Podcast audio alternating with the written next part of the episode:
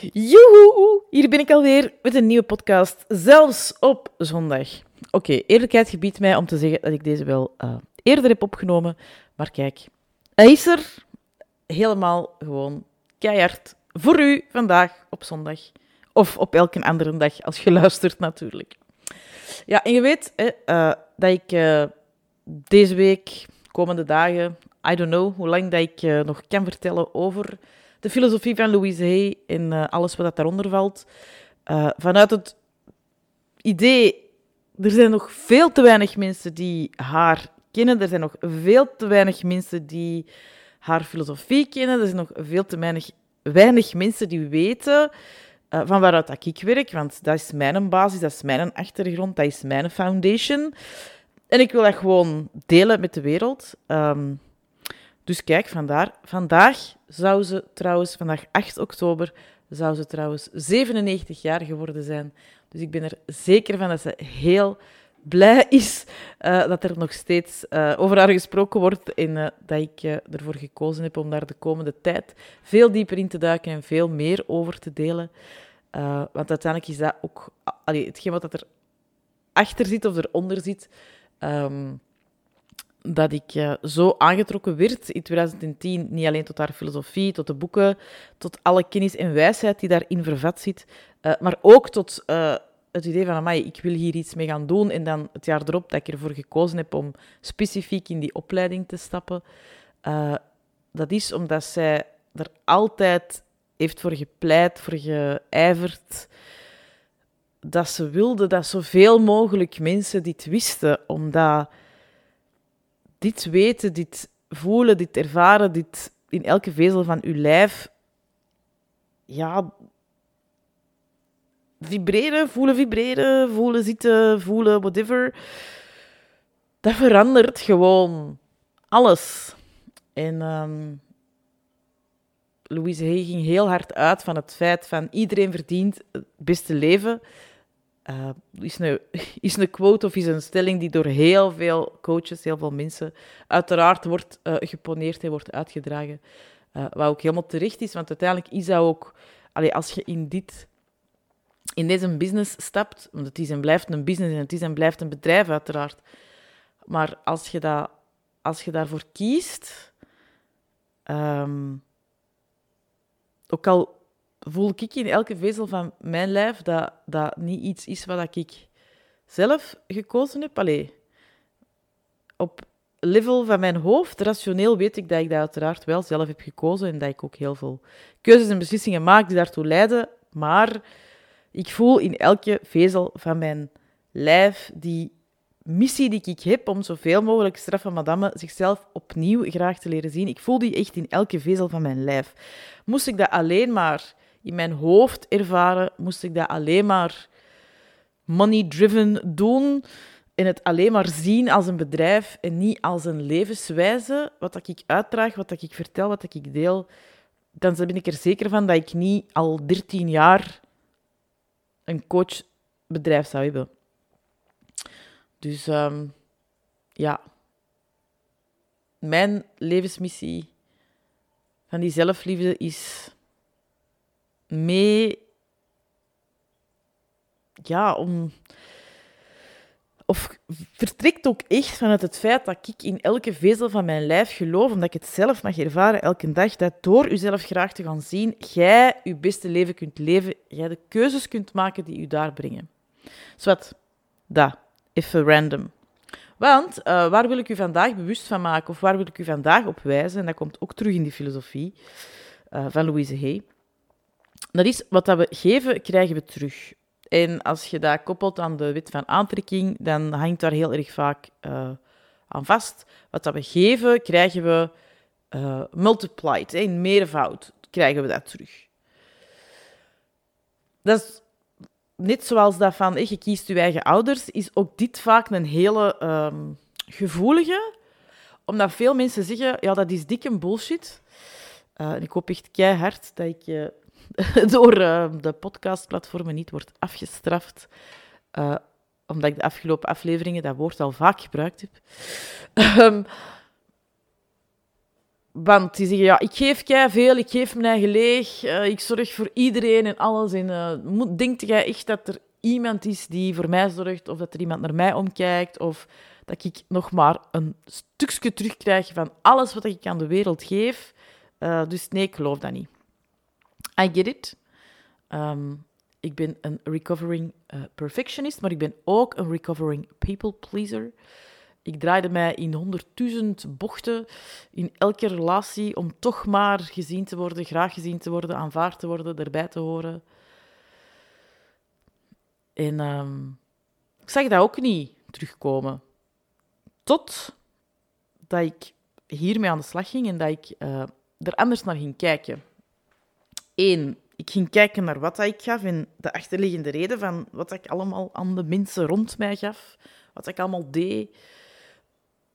In mijn onderliggende motivatie was, zoals ik er juist zei, ik wilde graag gezien worden, ik wilde erbij horen, ik wilde schouderklopjes krijgen, um, ik wilde hulp, ik wilde gesteund worden, ik wilde bij een community horen, ik wilde ja, alles doen om aanvaard te worden. En ja, dat is natuurlijk geen motivatie vanuit je hart. Dat is een motivatie vanuit tekort. Dat is een motivatie vanuit datgene wat dat je eigenlijk aan jezelf niet kunt geven. En dan hoopt je, als ik nu blijf geven en geven en geven, ja, dan kan het toch niet anders dan dat andere mensen dat gaan zien en dat andere mensen mij gaan geven wat ik nodig heb. Maar als jij vanuit een tekort van alles de wereld instuurt, is het onmogelijk dat daar van rond u met de juiste vibratie op geantwoord wordt, vanuit de juiste energie op geantwoord wordt. Ehm, dus dat was één, hè, mijn intrinsieke motivatie, zoals we dat zo schoon kunnen benoemen in de coachwereld, zat gewoon helemaal fout. Want ik gaf om te krijgen. Hè. Dus ik leerde om, als ik ja zei, als ik iets gaf, als ik zorgde voor, dat dat niet meer was vanuit Ah, maar dan ga ik er dat voor terugkrijgen. Ik heb mijn balansboekje opgeborgen. En ik heb mijn balansboekje kunnen opbergen, uiteraard omdat ik heel hard gewerkt heb aan wat heb ik nodig? En hoe kan ik mezelf dat geven? Hoe kan ik mezelf voeden? En hoe kan ik eigenlijk ervoor zorgen dat ik zelf eerst vervuld ben van liefde voor mezelf? Um, en van daaruit oprecht ja zeggen, oprecht zorgen voor, uh, oprecht commitments geven. En dat is helemaal anders. En dan ga je merken dat er veel dingen terugkomen. Maar een belangrijke side note daarbij is dat je dan nog op veel frustratie kunt botsen. Want je gaat in het begin ook al zijt je ondertussen vanuit een andere motivatie aan het geven, aan het delen met de wereld, um, vanuit je opgevulde zelf, je opgevulde zelf met zelfliefde, en dan van daaruit, uh, vanuit een gevuld hart, en niet vanuit een hart dat moet worden opgevuld door wat je van buiten terugkrijgt.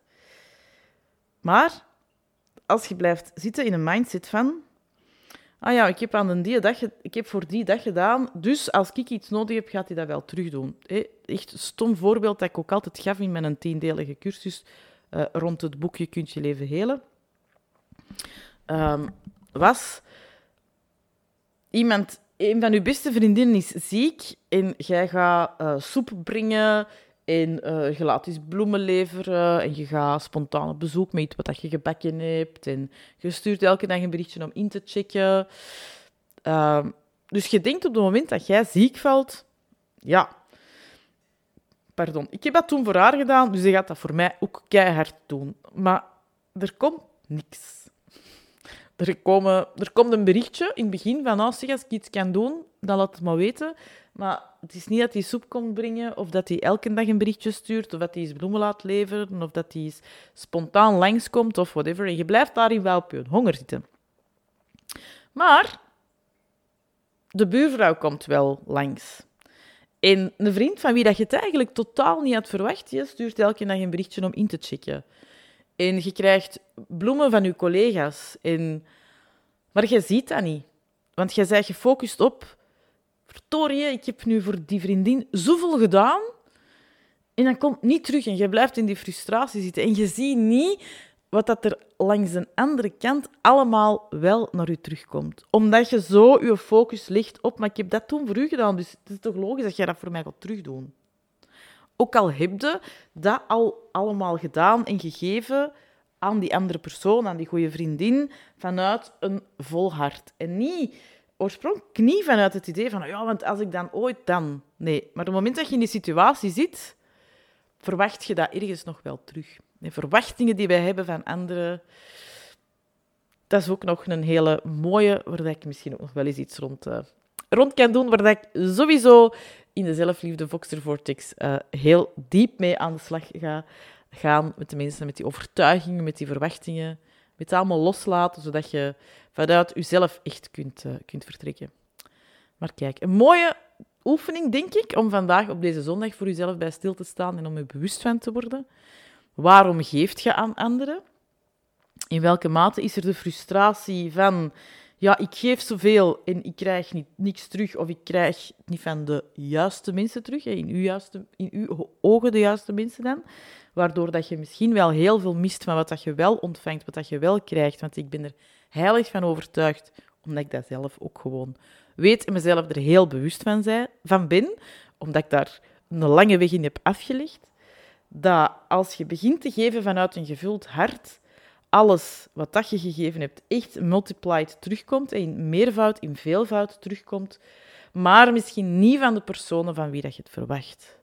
Maar als jij je focus legt bij de personen van wie dat je het verwacht, en je bent daar heel gefrustreerd in, en je blijft daar in, ah, op knarsen en op... En je zit in daar in een negatieve spiraal vast, dan is die er wel, en ze doen niks voor mij.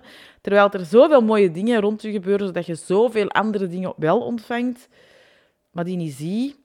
Snap je? Dat is heel spijtig. En dat is echt een hele waardevolle oefening voor u om te maken. Om daar eens in te duiken, om daar eens een keer naar te gaan kijken. Van oké, die frustratie die ik voel van alles wat ik geef en ik zie niet dat er iets terugkomt. Ja, leg de focus eens bij het andere perspectief.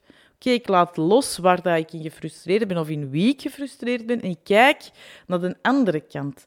En ik open mij eigenlijk, hè, you open up, naar ja, alles wat er wel op mij afkomt en alles wat dat wel gegeven wordt door andere mensen.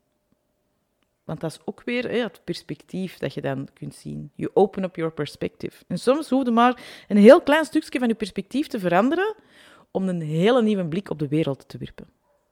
Dus daar wil ik u vandaag bewust van maken. Ik wens je nog een hele fijne zondag. Of als je op een andere dag luistert, als je pas later bij de podcast terechtgekomen bent, uiteraard wens ik u dan ook een hele fijne andere dag. En um, ja, ik ben heel erg benieuwd naar uw inzichten. Tegenwoordig kun je, uh, als je op Spotify luistert, uh, kun je zo uh, achterlaten een reactie of een vraag. Dus ik ben heel benieuwd. Don't hesitate om vragen te stellen, om reacties achter te laten. En laat ook een review achter. Dat is super helpend, want er zijn nog veel te weinig mensen die de podcast vinden, die naar de podcast luisteren. Dus please, als je iets hebt aan de podcast, deel de afleveringen. Dag lichtcoaching. Stuurt uw vriendinnen naar uh, licht coaching op Instagram. Laat een review achter. Um, hier of op Google of op wherever uh, zou het mij heel erg, uh, heel erg blij mee maken um, als je dat zou doen. Dus uh, alvast dankjewel op voorhand en ik ben er uiteraard morgen terug. Doei!